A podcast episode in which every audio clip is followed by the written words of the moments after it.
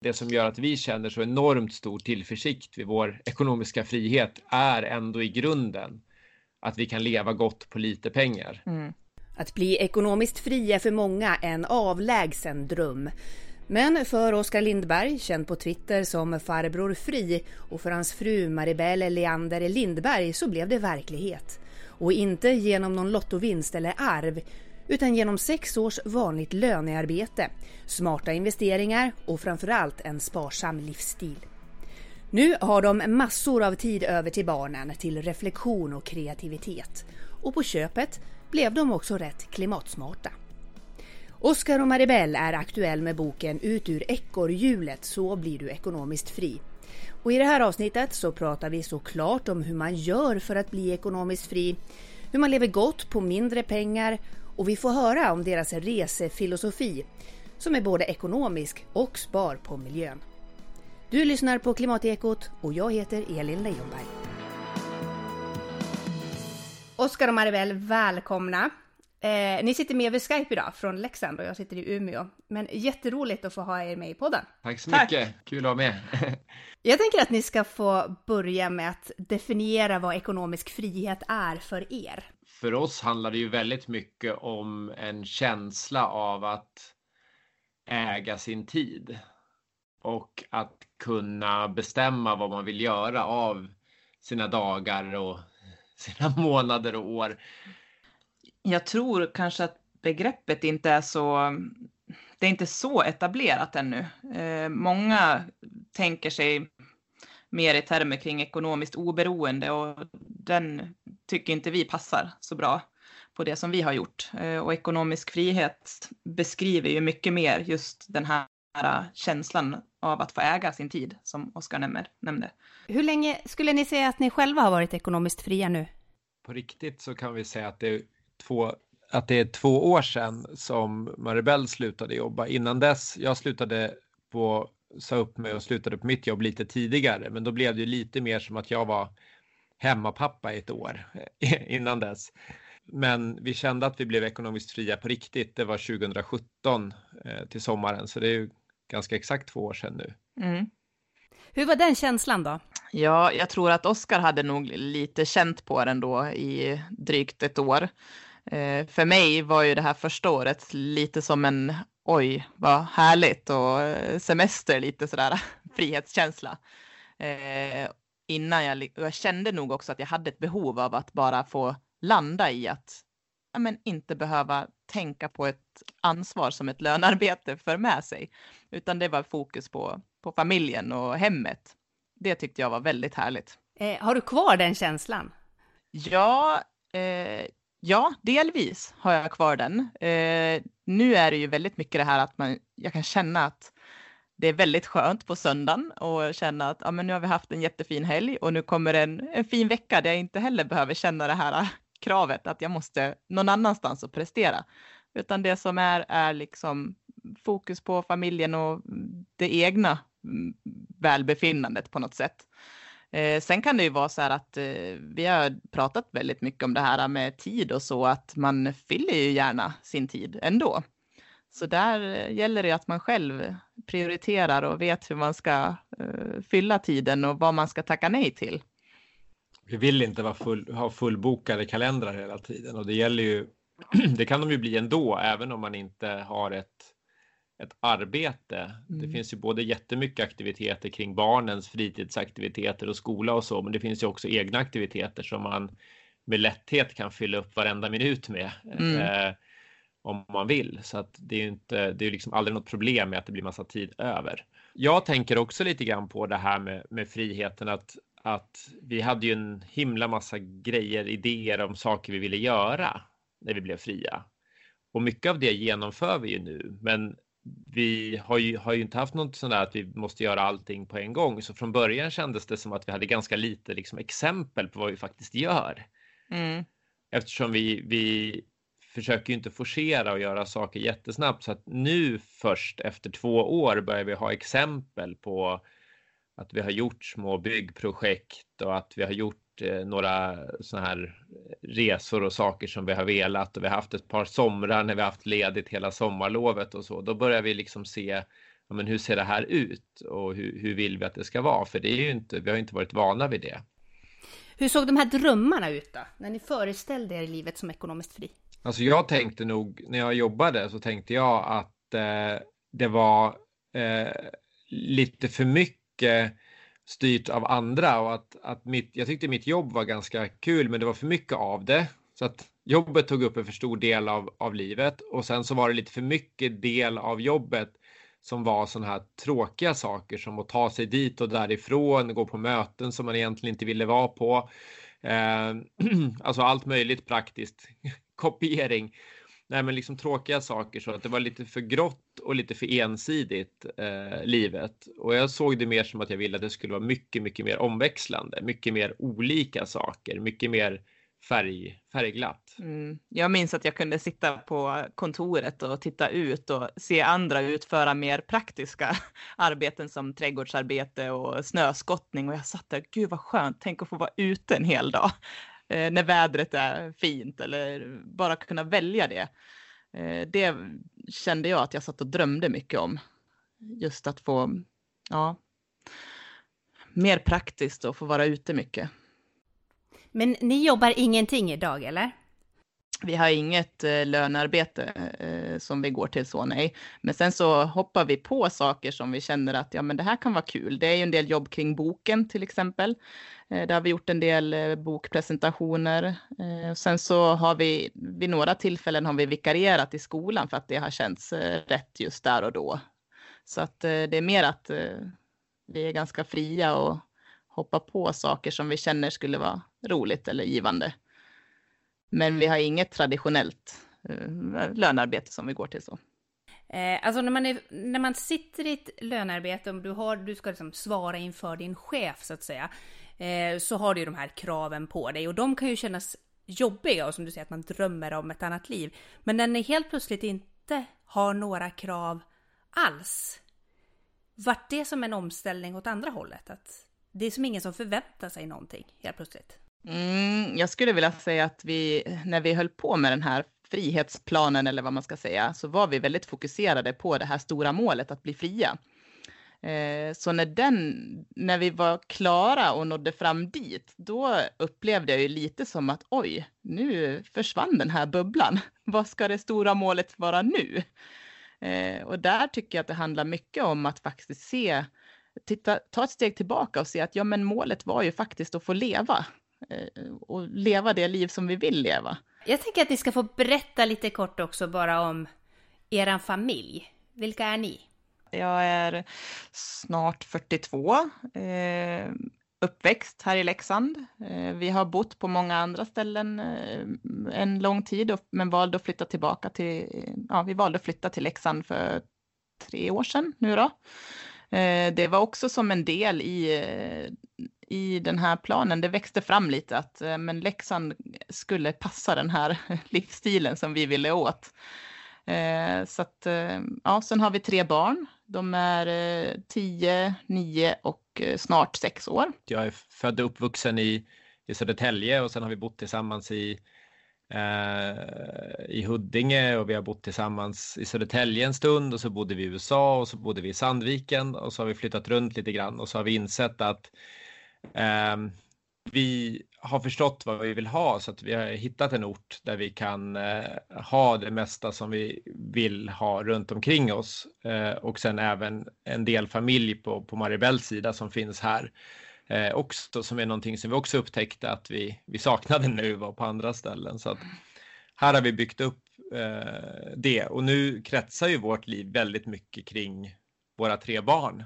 Mm. Eh, jag räknade ut när vi började, eller i start, starten av den här planen, räknade ut hur mycket, hur mycket tid jag la på arbete tidigare och kom fram till att jag la 3000 timmar om året inklusive kringtid, restid, allt sånt där. Uh, och nu lägger vi ungefär, apropå det här som du frågade tidigare om, om arbete och så, så lägger vi nu 2000 timmar uh, av det ungefär på barn och familj och hem. Uh, och så lägger vi kanske 1000 timmar på sånt som vi de, själva definierar som något slags arbete med, med skrivande eller föreläsningar eller vikariat eller vad det nu är vi känner för att fylla den tiden med. Förutom att ni då är ekonomiskt fria, skiljer sig era familj på något sätt ifrån gemene man, så att säga? På ytan så är den nog väldigt eh, lika andra familjer, skulle jag nog vilja säga. Eh, att ja, vi har en villa, vi har en bil, vi har cyklar, vi har, barnen har olika fritidsaktiviteter. Det enda som skiljer är väl att vi oftast kanske vi är hemma, eh, någon av oss när barnen kommer hem. Vi cyklar och går till det mesta. Ja. Vi har ju en bil, men, men där många andra kanske har bilen som första alternativ för varje transport så har vi den som tredje alternativ efter gå Mm. och cykla.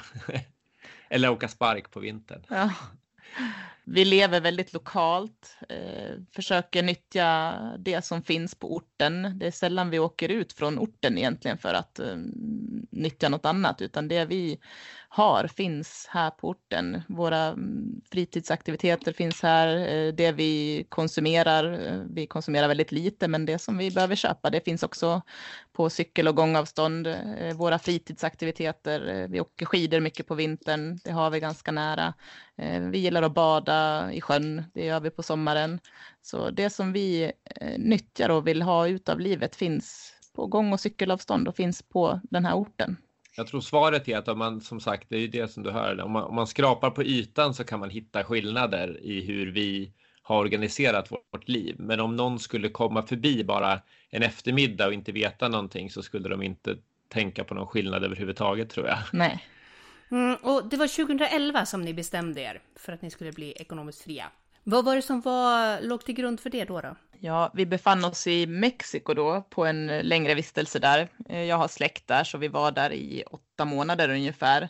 Då hade vi två barn. De var ganska små då. De var två och ett halvt och åtta månader när vi åkte dit. Eh, vi kombinerade med föräldraledighet. Eh, och Oskar pluggade lite spanska där. Jag hade lite andra projekt med några kompisar där mm, som inte tog upp mm, det var ingen mycket tid alls, men roligt att få ja, ägna mig åt det. Eh, och sen så hade vi väldigt mycket tid för varandra och mycket tid för barnen och övriga släkt och vänner där. Och vi kände liksom att det här var ju mm, väldigt liksom härligt att allting fick vara, att familjen fick vara central på något sätt. Eh, tidigare så kände vi då att mycket kretsade kring eh, arbetet och jobbet var i centrum och det som mm, var runt omkring var liksom ja, men familj, vänner, fritidsaktiviteter. Eh, vi, vill, och vi kände där och då att ja, men nu var faktiskt familjen i, i centrum och vi hade tid för varandra. Vi fick ju liksom smak då på hur vi tänkte att så här skulle livet kunna se ut. Och sen sammanföll det väldigt väl med att ja, jag tror att jag började googla lite och funderade på liksom kan man kan, man- kan man ha det lite mer så här? Och hittade några amerikanska bloggar, en ganska nystartad då som heter Mr Money Mustache och en som hade skrivit i några år som, het, som kallar sig för Early Retirement Extreme. Eh, och de verkade vara, först så verkade det lite extremt, men sen när man kollade efter så verkade det vara ganska vanligt folk. Så då fick man de exemplen också på att något sånt här skulle vara möjligt. Så kombinationen med att liksom ha smakat på hur livet skulle kunna vara och den här eh, idén ändå om att något sånt här skulle vara möjligt gjorde att vi började, vad ska man säga, snickra på en plan där Mm. 2011. Och hur lång tid tog det innan ni liksom kom igång och började jobba på den här på riktigt? Vi gjorde nog det ganska direkt skulle jag säga. Mm. Vi insåg i varje fall att ganska direkt att om vi kan leva på mindre, då har vi mycket större frihet. Alltså till exempel är det så att man är två personer och man kan leva på en inkomst. Och då finns det väldigt mycket saker man kan göra, både i form av liksom gå ner i tid eller att säga upp sig från ett arbete som inte fungerar om man vill testa någonting annat eller så. Så att ganska direkt så, så bestämde vi oss ju för att, att försöka hitta en livsstil som hade hög kvalitet men där vi ändå gjorde av med mindre pengar. Så det var ganska direkt. Sen tog det väl ett tag innan vi liksom hade räknat igenom och den första Första kalkylen sa till oss att det skulle ta 10-12 år eh, och komma i mål med det här och det innebär ju också att vi måste hitta ett sätt att kunna leva liksom bra under vägen. Man kan ju inte plåga sig själv i 10-12 år för att sedan nå något mål där borta, utan det handlade ju hela tiden om oss, för oss också om att hitta en, en livsstil som vi trivdes med och som vi så att säga trivdes med varje år under vägen också, även om vi hade det här stora målet. Uh, så att jag skulle väl säga att det kanske tog något halvår av fundering innan vi verkligen hade bestämt mm. att det är det här vi gör. Vi hade väl också testat lite grann och ha liksom mycket saker och lite finare bilar och mm. äta ute mycket och sånt och märkt att det var väl kanske inte vägen till den ultimata lyckan. Så vi hade väl fått testa ett tag också och sett att nej, men det kanske inte är så här vi ska, ska leva. Så att lägre konsumtion började väl också sjunka in att det var, det var bra ja. på många sätt.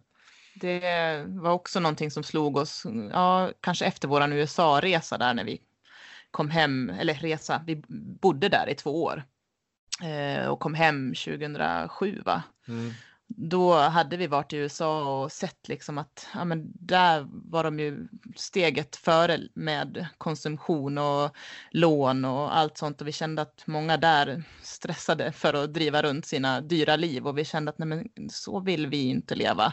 Så vi kom hem med någon slags känsla av att nej men gud, vi, vi kan inte bara fortsätta konsumera på det här sättet. Så vi började dra ner ganska mycket redan då, eh, 2007 och kanske börja titta mer på handla mer second hand och mycket sånt. Vi köpte begagnade möbler eh, till vårt hus då som vi köpte och det var.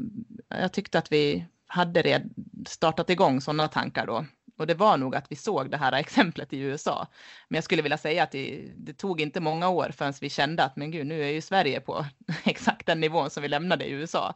Om ni skulle säga, om man vill börja med det här, vart, vart börjar man? Vad är första steget? Jag skulle ju säga för det första är det ju att gemensamt, om man då är två, om man är en så får man göra det med sig själv, alltså verkligen definiera vad är det jag vill uppnå, vad är den här drömmen eller målet, vad, vad är det jag vill? För att annars så finns det ju liksom ingenting liksom härligt att, att satsa på. Mm.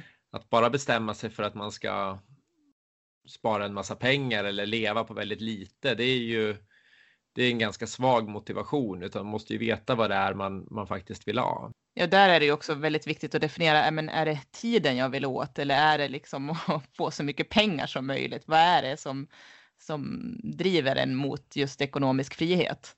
Precis. Nej, men sen, sen, säger, sen är det ju det här med om man ska då börja försöka leva på mindre pengar. Då är det ju egentligen som jag ser det finns det ju två steg. Det första är ju att man kan alltså, i stort sett sluta konsumera.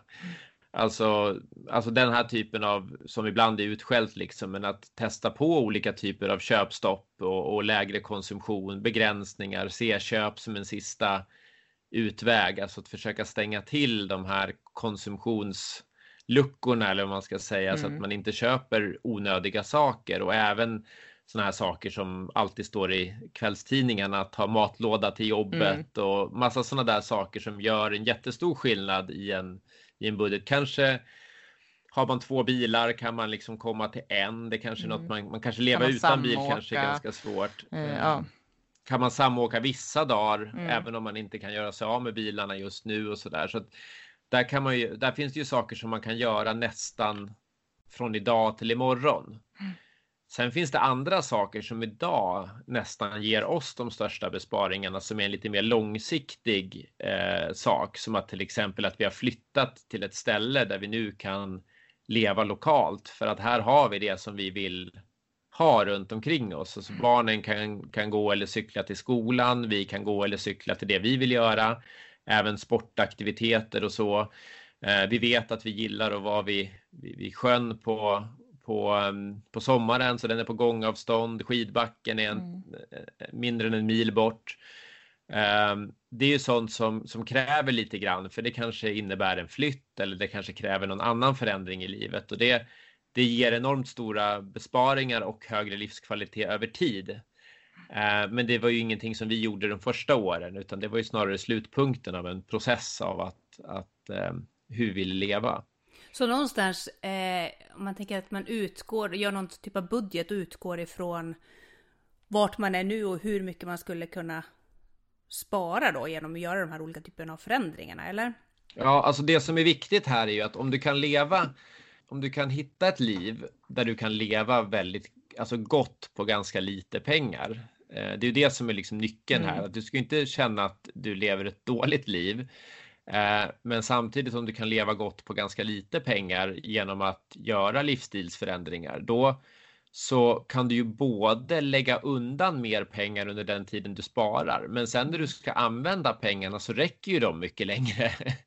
Så man får ju en, verkligen en, en dubbel effekt. Om, säg till exempel att, att eh, om, man, om man är två i en familj och man tjänar 20 000 var, kan man leva på 20 000 och då sparar man ju till en månads ledighet varje mm. månad som går egentligen. Och man kan leva på en lön. Och då kan man ju antingen använda den i form av att man jobbar mindre med en gång eller också kan man lägga undan den till framtiden. Det, det, får en exponentiell effekt om man kan dra ner utgifterna just för att man både kan sätta undan mer pengar och pengarna räcker längre. Det gäller att bara börja spara och sen märker man att man blir bättre och bättre på det.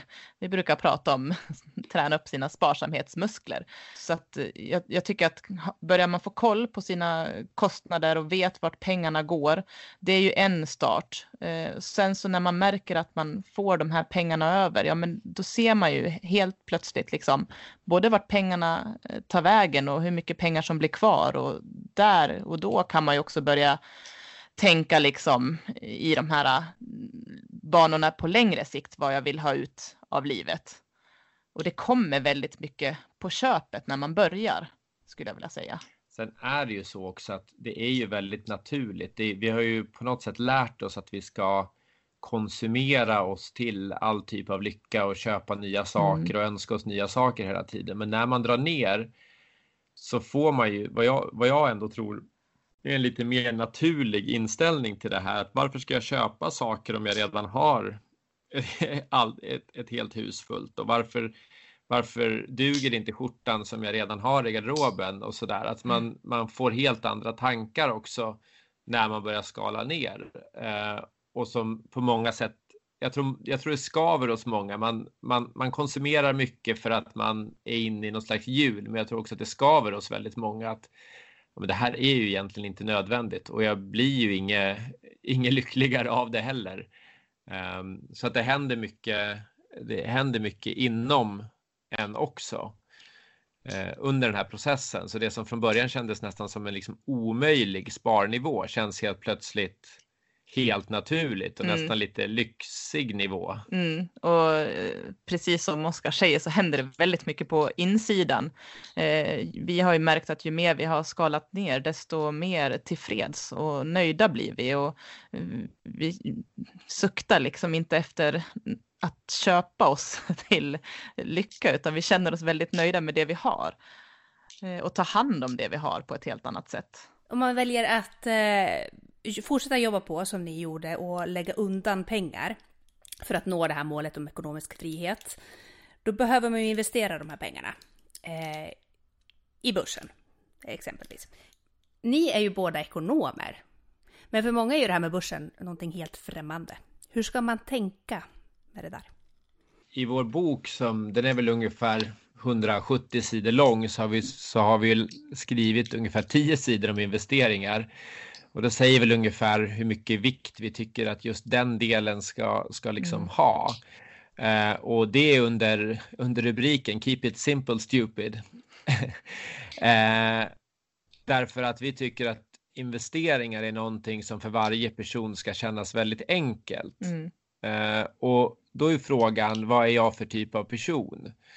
Eh, vissa till exempel väljer ju kanske att bli hyresvärdar. Att, att köpa ett hus med flera uthyrningsmöjligheter eh, och sen hyra ut två eller tre lägenheter och bo i den sista. Det är så de investerar sina pengar och de tycker att det där är jättelätt för jag tycker om att fixa med hus, och jag tycker om att ha med hyresgäster att göra och så vidare. Och så det är deras liksom investeringsväg medan andra tycker det där låter som hemskt och är hellre kvar på jobbet. eh, för väldigt många när det gäller investeringar på börsen så handlar det om att hitta en indexfond eller någon annan typ av fond som är liksom låga avgifter och enkel och så investerar man med samma belopp varje månad, månad ut och månad in under perioden som man bygger upp.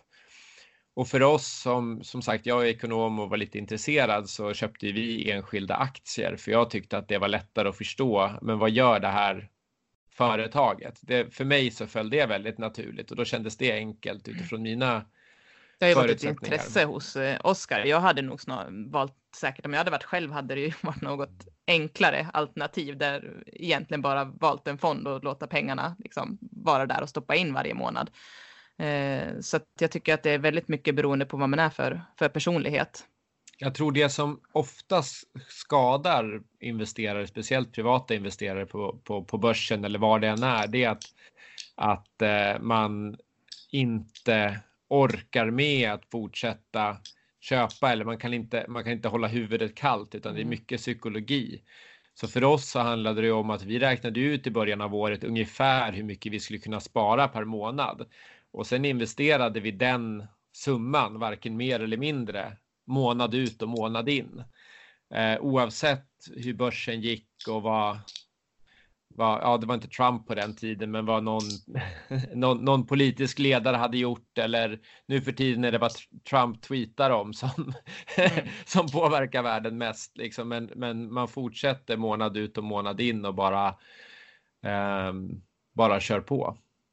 Precis, och sen så då när man har sparat ihop ett visst kapital, då kan du leva på avkastningen. Och då finns det något som heter 4% regeln som ni skriver om. Berätta om den. Den, den omnämns ju ofta som 4 regeln. Jag vill se det mer som en, en, eh, en tumregel. Eh, men väldigt grovt räknat så har det över alla moderna perioder visat sig att om man kan leva på 4% av kapitalet, då ska kapitalet räcka i evighet, alltså kapitalet tar inte slut då. Eh, det är men nästintill 100% säkerhet om man tittar på, på eh, de senaste 120 åren eller vad det nu är där, där man har vettig, vettig data på, på börser och så. Och då så bygger ju det egentligen på att varje år, nu, nu är det lite förenklat för det kommer ju gå upp och ner, men i princip i slutet av varje år så är det lika mycket kapital kvar. Alltså du tar bara ut avkastningen.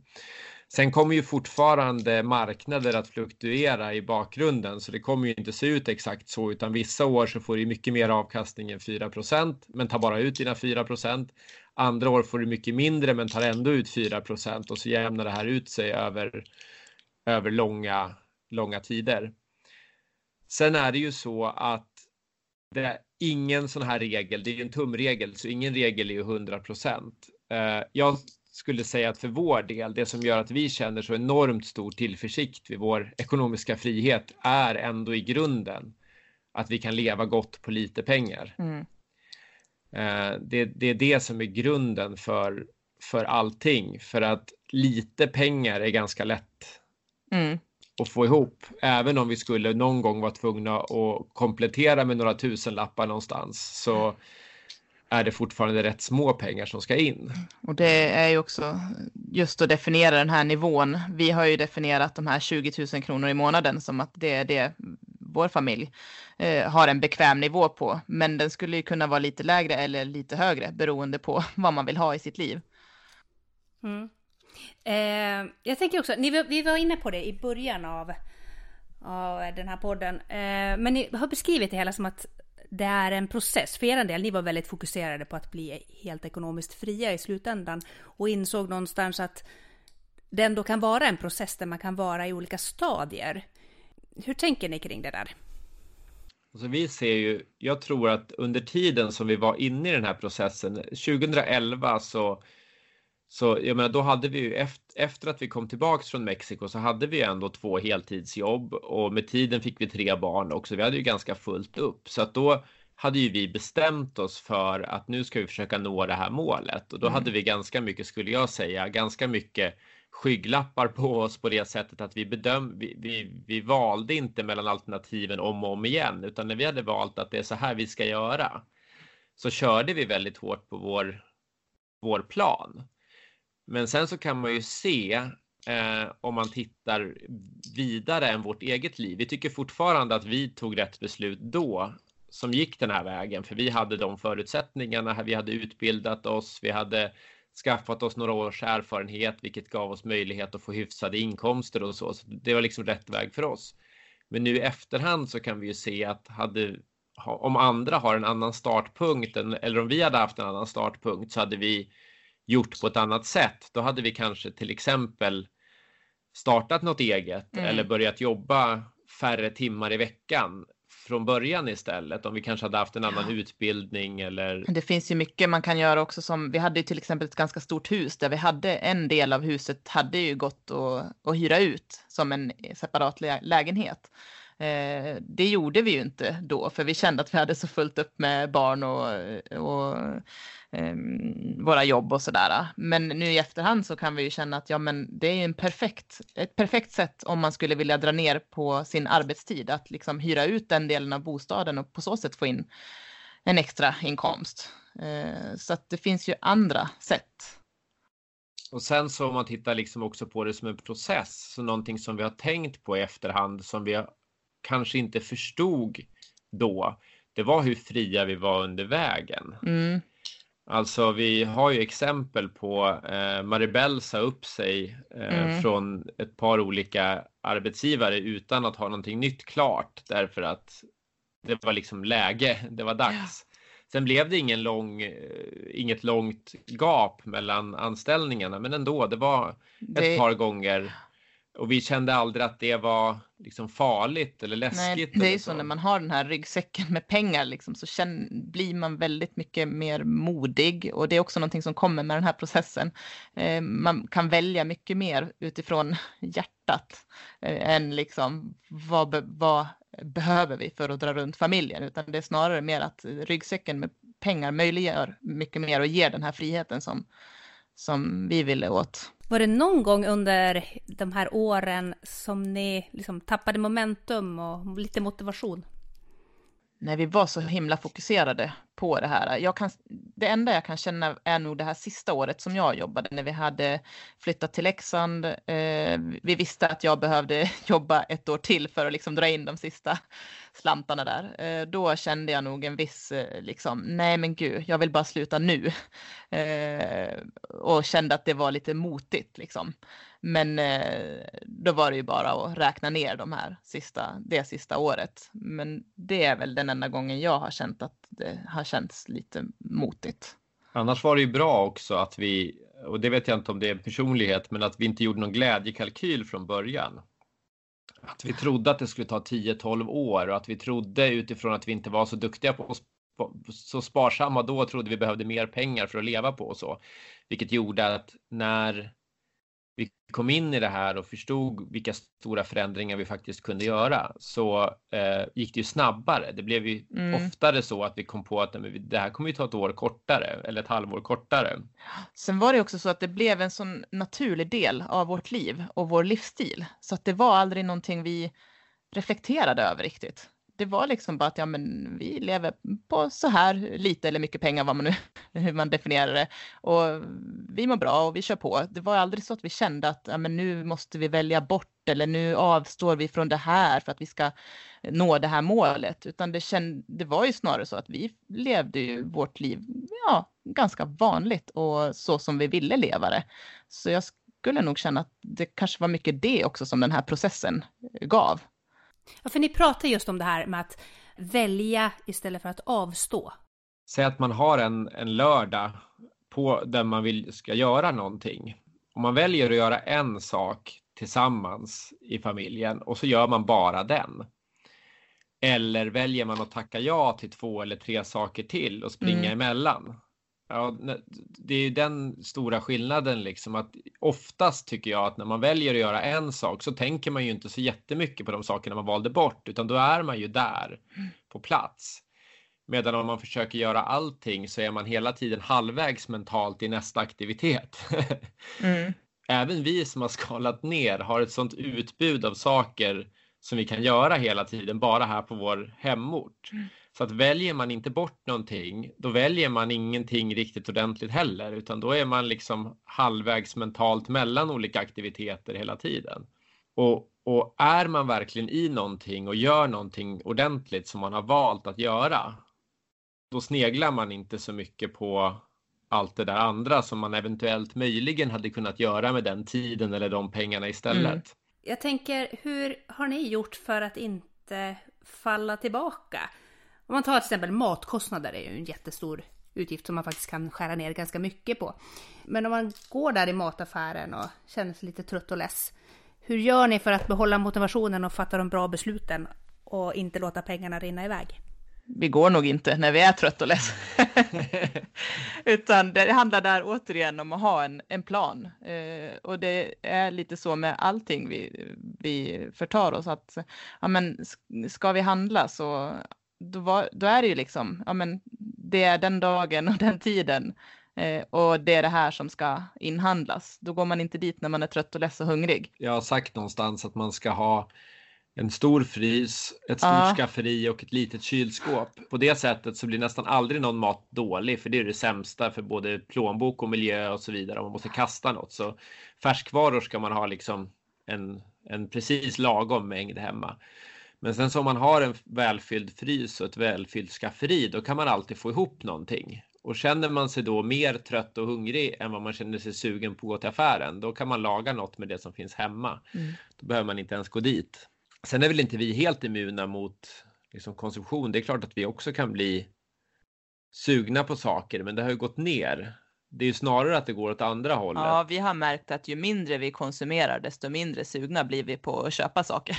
Jag tror att om man, om man avstår från mycket konsumtion under en kortare period, då har man fortfarande suget kvar. Det kanske är som för någon som försöker sluta äta socker eller något liknande.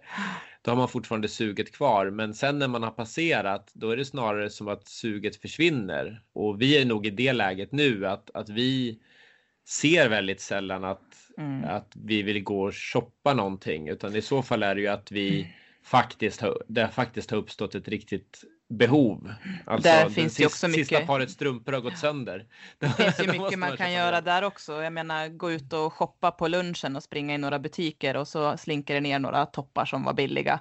Det kan man ju undvika ganska lätt genom att kanske ta en promenad på andra sidan eh, stan eller vart det nu är man, man jobbar. Så tar man en lunchpromenad istället. Eh, så, så, att man inte utsätter sig från de här, för, för de här tillfällena när det är lätt att det, det slinker ner för att man blir sugen. Mm, mycket planera låter det som ändå. Så ha en plan för saker och ting. Ja, ha en plan och kanske välja men, andra saker helt enkelt. Men liksom ersätta saker till exempel. Jag, tycker, jag tror många tycker att det är skönt att till exempel komma iväg från om man sitter på en arbetsplats hela dagen och sitter ner mycket tycker man att det är skönt att komma ut på lunchen. Och en del då tänker att jag, jag tar mig ut genom att gå ut och äta någonstans. En del de kanske äter matlåda och sen tar de en sväng mm. på, på, på stan och, och, och shoppar någonting. Eh, men ett annat alternativ är att äta sin matlåda, vilket oftast inte brukar ta så lång tid och sen ta en promenad i parken eller i skogen. Eh, och det är oftast härligare. Det är oftast mer det man behöver. Det är då mm. man kommer tillbaks. Men det är svårt att bara säga att nu ska jag inte göra något. Man måste, näst, man måste liksom ersätta ja, med, med något någonting är... annat som, som är bra och som man känner att man mår bra av. Det är lika som att eh, ja, men, har man haft som kanske fritidssysselsättning eller familjenöje att man kanske åker till ett köpcentrum och man äter lite där och fikar och kanske köper någonting. Då kanske man ska ersätta det med någonting annat som, som familjen tycker är roligt som inte kostar någonting. Jag menar, det är ju det här återigen, gå ut i skogen, ta en promenad, ta med sig matsäck. Eh, bara gå till lekparken och ta med fikat dit. Eh, det finns mycket som man kan göra som inte kostar. Men alternativet kan ju inte bli att bara inte göra någonting. Nej. Eh, jämt. Utan, Utan det är snarare att ersätta det med någonting annat. Ni har precis haft kick-off. Berätta om det här med kick-off. Ja, det här gör vi två gånger eh, om året. Eh, och vi började med det när vårt första barn föddes egentligen. Han var vi, ett år ungefär. Han var väl ett år ungefär och vi insåg att oj, här var det liksom en till familjemedlem som, ja, de tar ju lite tid, barnen.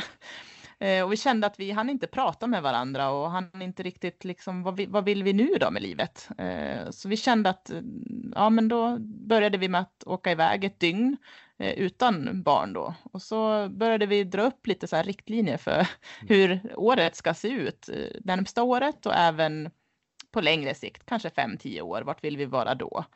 Eh, och det var inte bara ekonomi, utan vi tar även upp eh, andra delar som ja, men socialt. Är vi nöjda med vårt sociala liv? Är det någonting vi saknar? Våran familj, träffar vi dem så mycket som vi önskar?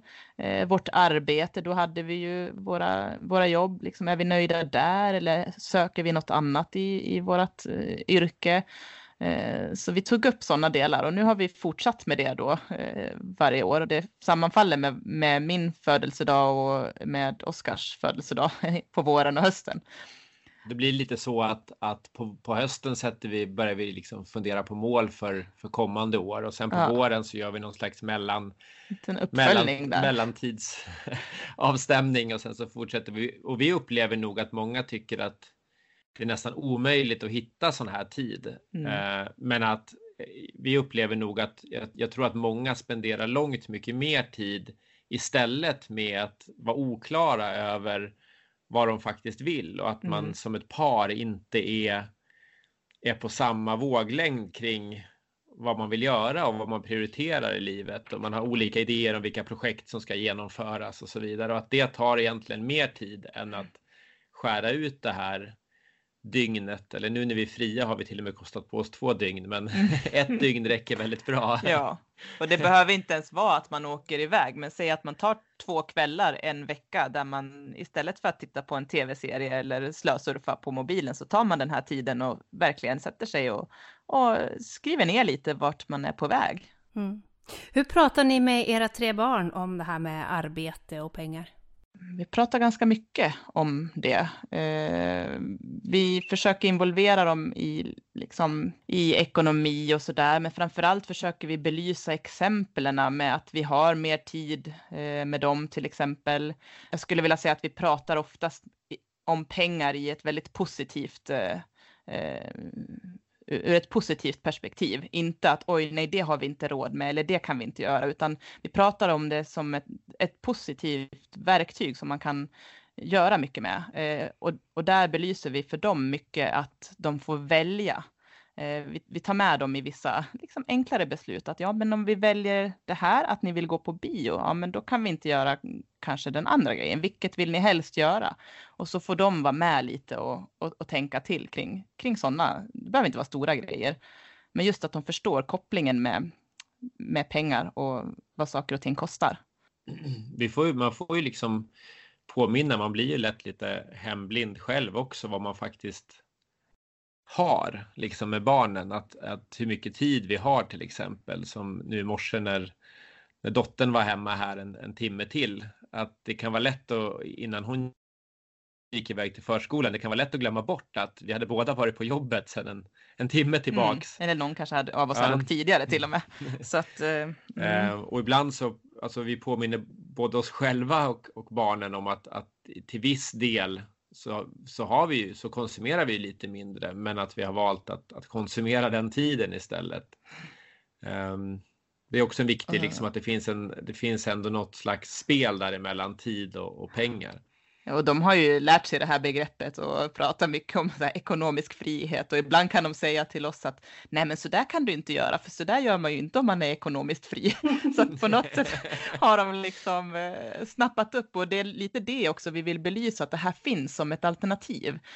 Så jag, jag har sett någon studie någonstans, jag tror kanske att den var från USA men jag gissar att den stämmer rätt bra här också. Att de tio vuxna personerna som barn umgås mest med så, så är alla liksom anställda personer. I de allra flesta, typ 8 av 10 barn umgås bara med personer som har någon form av anställning alternativt är eh, kanske pensionärer om det är mormor eller morfar eller så. Eh, så att liksom väldigt traditionella så. Det är inte ens liksom så mycket företagare och så, utan det är skolpersonal och det är lärare och det är föräldrarna och väldigt många är så att säga, om man säger inom citationstecken, liksom vanliga anställda. Och jag tänker att det är bra för, för barn och bra för hela världen att man ser att det finns flera alternativ. Det behöver inte betyda att man inte själv väljer att, att vara anställd mm. eller att ta ett traditionellt arbete, men att man får fler alternativ och att man ser att det finns flera vägar. Mm. Att man kan vara man kan välja enkelhet till exempel mm. genom att jobba, jobb, ta ett vanligt jobb och sen hyra en lägenhet och ha ett enkelt liv på det mm. sättet. Men en annan form av enkelhet för någon annan är att vara hyresvärd. Mm. Alltså att det kan se ut på så väldigt många olika sätt och att barnen, inte bara våra barn utan alla barn och alla personer får många fler idéer om alla olika alternativ som finns. Mm. Um, Säsongsarbete är också en sån här grej som vi har, liksom, de älskar att åka skidor och så har de någon gång sagt så här, men tänk om vi bodde här i skidbacken, då kunde man ju jobba här har liksom sonen, äldsta sonen sagt. Och då har vi sagt, ja men det är ju perfekt, då kan man ju ha säsongsarbete, då jobbar du och åker skidor samtidigt. Och sen så kanske när det inte finns så mycket snö, ja men då kanske du kan vara lite ledig liksom. Att eh, att belysa de här andra alternativen än de här som syns mest idag tycker jag är ju den här heltidsarbetande kontorstjänstemannen eller kvinnan. Eh, den har fått sånt fäste på något sätt. Sen tror jag också, sen tror jag också utifrån ett samhällsperspektiv, för det kan vara en annan fråga. Vad händer om, om liksom ingen, ingen jobbar? Mm. eh, och där tänker jag ju väldigt mycket så om jag bara tittar på, på oss själva. Det är ju inte så att man slutar att vara en aktiv eller liksom kreativ eller person med, med kraft bara för att man slutar på en anställning. Snarare tvärtom så får man ju liksom inspiration av mycket mer variation. Men sen kanske man gör andra saker. Man kanske man kanske snickrar en del på sitt eget hus istället mm. för att hyra in någon. Man kanske är eh, ideellt engagerad i någonting. Man kanske eh, skriver eller skapar eller någonting annat. Men det är ju inte så att den vad ska man säga, det är inte så att den mänskliga kraften eller skaparmöjligheten försvinner ur systemet. Jag skulle snarare säga att den blir större därför ja. att många är på jobb där de inte känner att de får så mycket utlopp och då är det inte så så kul heller. Då är man inte så entusiastisk. Nej, och jag tror att de flesta människor vill eh, utvecklas och bidra på något sätt. Så jag tror att det finns mycket, mycket positiv kraft i. Det finns mycket kreativitet där ute som liksom inte blir någonting av därför att man är för trött. Ja. när, när, det, när, när det är dags för kreativitet. Mm. Och sen den här frågan som alltid kommer, måste jag ju såklart ställa. Eh, när vi lever i en välfärdsstat eh, och man inte betalar skatt. Eh, hur tänker ni kring det? Ja, för det första så, så kan man ju inte tjäna pengar eller leva i Sverige utan att betala mm. skatt. Mm. Så varenda krona, egentligen så vad vi har gjort är ju att vi har ju jobbat under ett antal år och betalat ganska hög skatt och sen har vi valt att omfördela de pengarna över många, många fler år. Det är ju huvuddelen i vårt. Sen så får vi lite avkastning och vi betalar lite skatt på de pengarna också. Vi handlar ju saker som vi betalar skatt på och så vidare. Men sen tycker jag egentligen man skulle kunna om man vänder på frågan så är det ju så här att det nuvarande systemet som vi lever i skapar ju enorma problem. Mm. Det är ju mm. både väldigt, väldigt allvarliga miljöproblem av överkonsumtionen. Mm. Vi har väldigt allvarliga problem med hälsan hos folk som blir sjukskrivna för att de inte mår bra eh, på sina arbeten och sådana saker. Så att det systemet som, som är idag har ju visat sig att inte funka något vidare så att man börjar experimentera med lite andra sätt att leva. Mm. Tror jag netto är positivt för, för, för samhället och jag tror ju att samhället skulle kunna bli mycket bättre.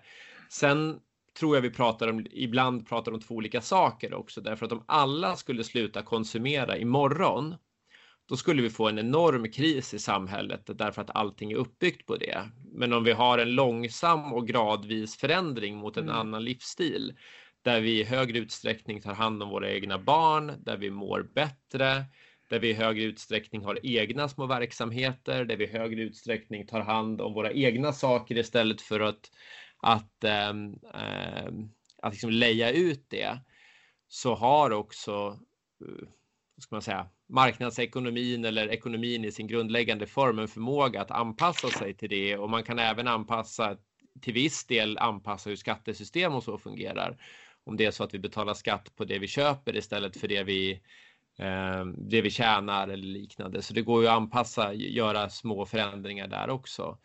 Eh, men, men samhället kan förändras så, så att det fungerar oavsett så länge, det är självklart om, om 50% av svenskarna skulle bestämma sig för att sluta köpa grejer imorgon bara för att de har hört mm. den här fantastiska podden. Då, då, då, då, skulle vi få ett problem för då hinner inte systemen hänga med och då skulle vi få problem både i välfärden och, mm. och i själva marknadsekonomin där det helt plötsligt skulle eka tomt på alla köpcenter som skulle få lägga ner och så vidare. Mm. Och börsen skulle inte funka så bra den heller. Nej, inte, den funkar ju inte i kriser. Däremot så tycker jag att vi borde ha vi borde ha ett visst förtroende för att både marknadsekonomin och politikerna faktiskt har förmågan att anpassa sig till att vi gradvis gör andra prioriteringar i samhället. Jag menar, förändringar har ju skett förut. Det ser inte likadant ut idag som det gjorde för 50 år sedan och 50 år före det såg ju också världen annorlunda ut. Um, så att jag är övertygad om att, att vi fortfarande kan ha liksom en bra, ett bra liv. uh, även om vi väljer lite annorlunda och mindre mindre konsumtion och, och, och, större frihet, ekonomisk frihet i någon slags grundläggande begrepp tror jag i stort sett bara skulle ha positiva mm. effekter.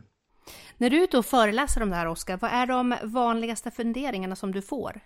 Ja, nu har vi varit ute och pratat om det här tillsammans eh, kring boken eh, och, och, så. Det är, väl, det är väl lite allt möjligt. Det är väl allt ifrån att man är orolig för ja, men kan man verkligen lita på att man får någon avkastning på börsen? Och... Pensioner är många som oroar sig för. Eh, där har ju vi sagt att ja, men nyckeln är ju egentligen, kan du leva gott på lite så har du ju kommit väldigt långt där. Behöver man inte oroa sig så mycket för att man får en låg pension.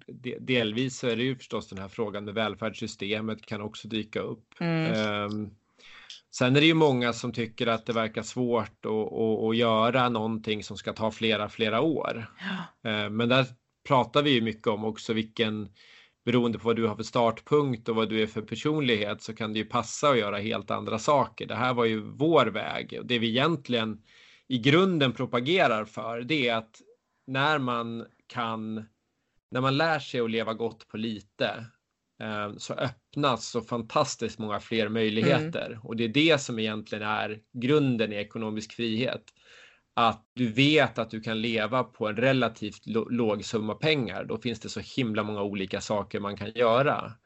Och, och vi kommer ofta tillbaks till det därför att det blir of, alltså, många gånger kan, kan olika typer av rädslor för ja, men kan man verkligen räkna med exakt den här avkastningen? Hur ser pensionssystemet ut och så vidare? kan liksom överskugga vad skulle hända om börsen bara rasade och alla besparingar försvann?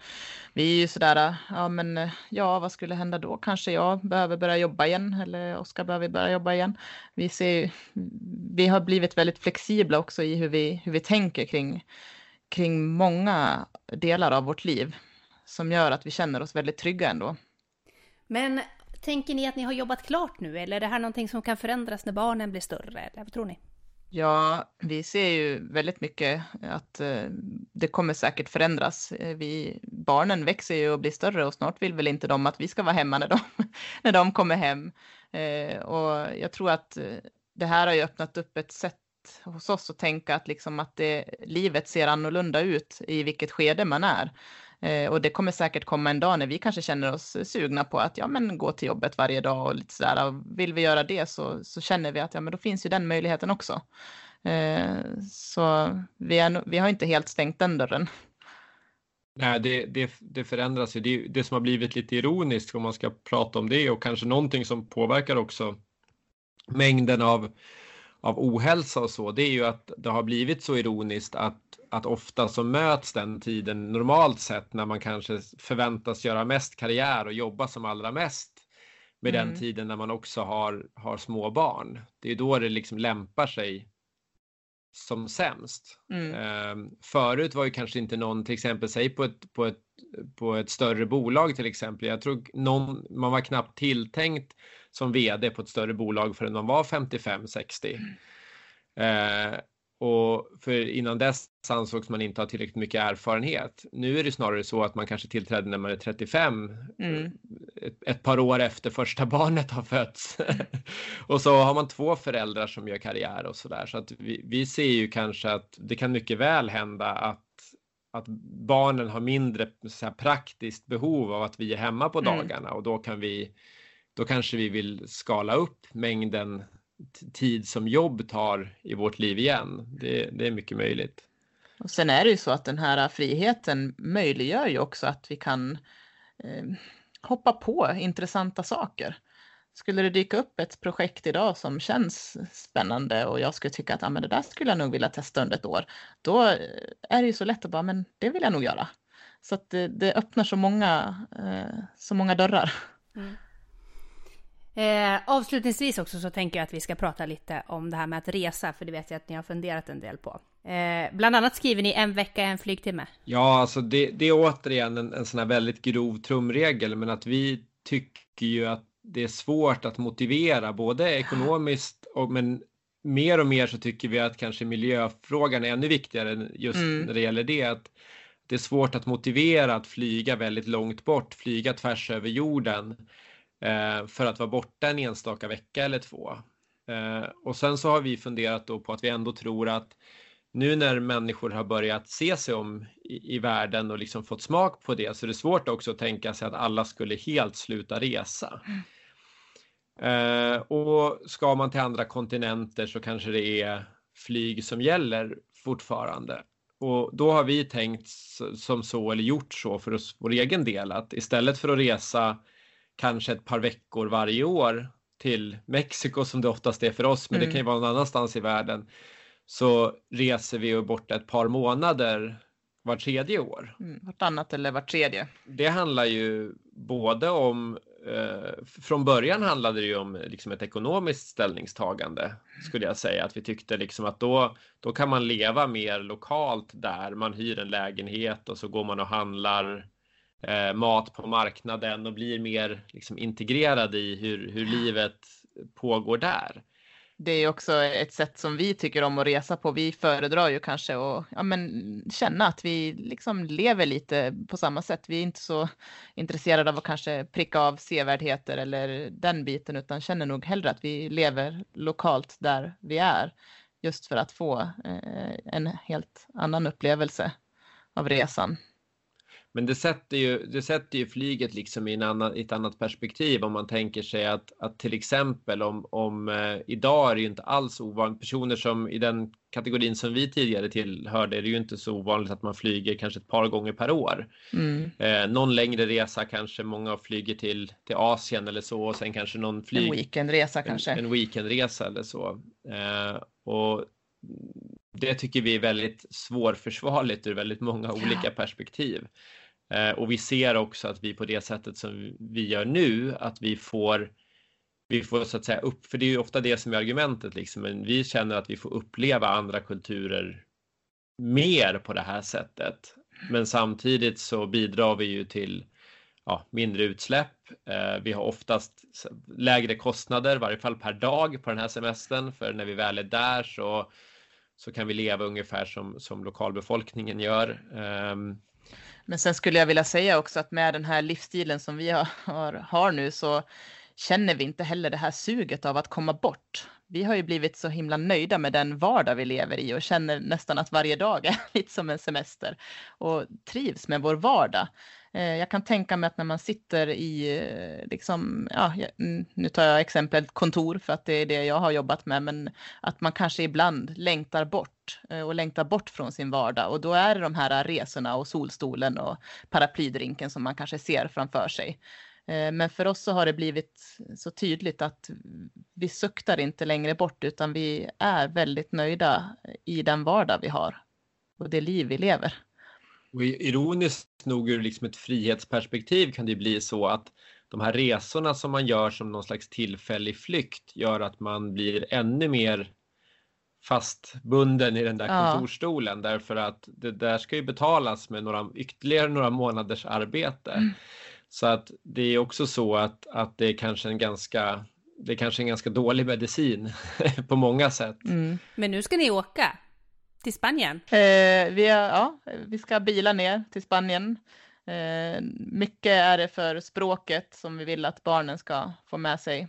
Eh, jag är ju tvåspråkig sedan jag var liten och vi har väl försökt få barnen att vara det också. Eh, det är svårare när, man, när vi är här i Sverige och får dem att prata spanska och så där. Så vi tänkte att nej, men nu ska vi ta fyra, ja, fyra till sex veckor blir det väl fyra veckor på plats, men sex veckor totalt som vi är bortresta.